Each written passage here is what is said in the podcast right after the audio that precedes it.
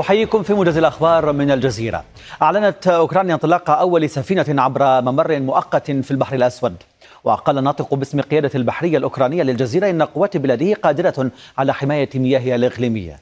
كما قال رئيس الإدارة العسكرية في أوديسا أن روسيا شنت هجومين بطائرات مسيرة استهدفا البنية التحتية للموانئ والحبوب في المنطقة.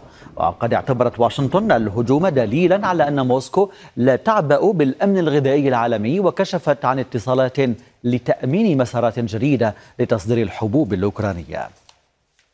أعلن جهاز الأمن الفيدرالي الروسي إحباط محاولة تسلل للأوكرانيين عبر الحدود في مقاطعة بريانسك. وأكد جهاز الأمن في بيان القضاء على مجموعة من أربعة أوكرانيين كانوا يعتزمون القيام بأعمال استفزازية داخل البلاد بحسب البيان. أعلنت مجموعة إيكواس أن اجتماع قادة جيوش دولها الخميس والجمعة في أكرا سيكون لإنهاء خطط نشر قوة الاحتياط في النيجر. ودعت المجموعة إلى إعادة الوضع الدستوري من أجل التركيز على أمن البلاد وأشارت المنظمة إلى أن الوضع الأمني في النيجر تفاقم منذ المحاولة الانقلابية ضد الرئيس محمد بازوم. أكدت واشنطن عزمها إيفاد سفيرة جديدة إلى النيجر دون تقديم أوراق اعتمادها لسلطات الانقلاب. من جهتها نفت باريس وجود نية لسحب جنودها المتمركزين في النيجر لتحويلهم نحو الأراضي التشادية. وقالت الخارجية إن القوات الفرنسية موجودة على الأرض في النيجر بناء على طلب من السلطات الشرعية. وذكرت الخارجية الفرنسية أنها لا تعترف بأي قرارات يتخذها الانقلابيون بحسب وصفها. في السودان أفاد مراسل الجزيرة بوقوع تبادل للقصف المدفعي في أم درمان وجنوب شرق مدينة الأبيض شمال كردفان.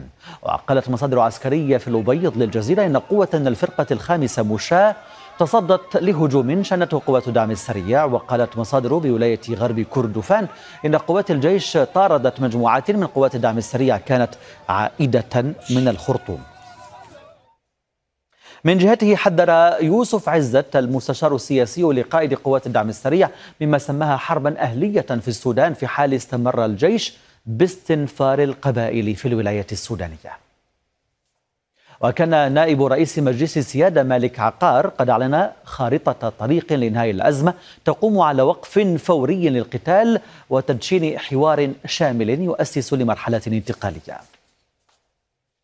قال منسق الاتصالات الاستراتيجية في مجلس الأمن القومي الأمريكي جون كيربي أن واشنطن مستمرة في السعي لوقف القتال في السودان وأكد كيربي تكثيف الجهود الدبلوماسية للتوصل إلى تسوية. كما اعتبر أن الوقت قد حان للطرفين لإلقاء أسلحتهم والسماح بوصول المساعدات الإنسانية. أشكركم على متابعة الموجز لما كنتم طابت أوقاتكم بكل خير.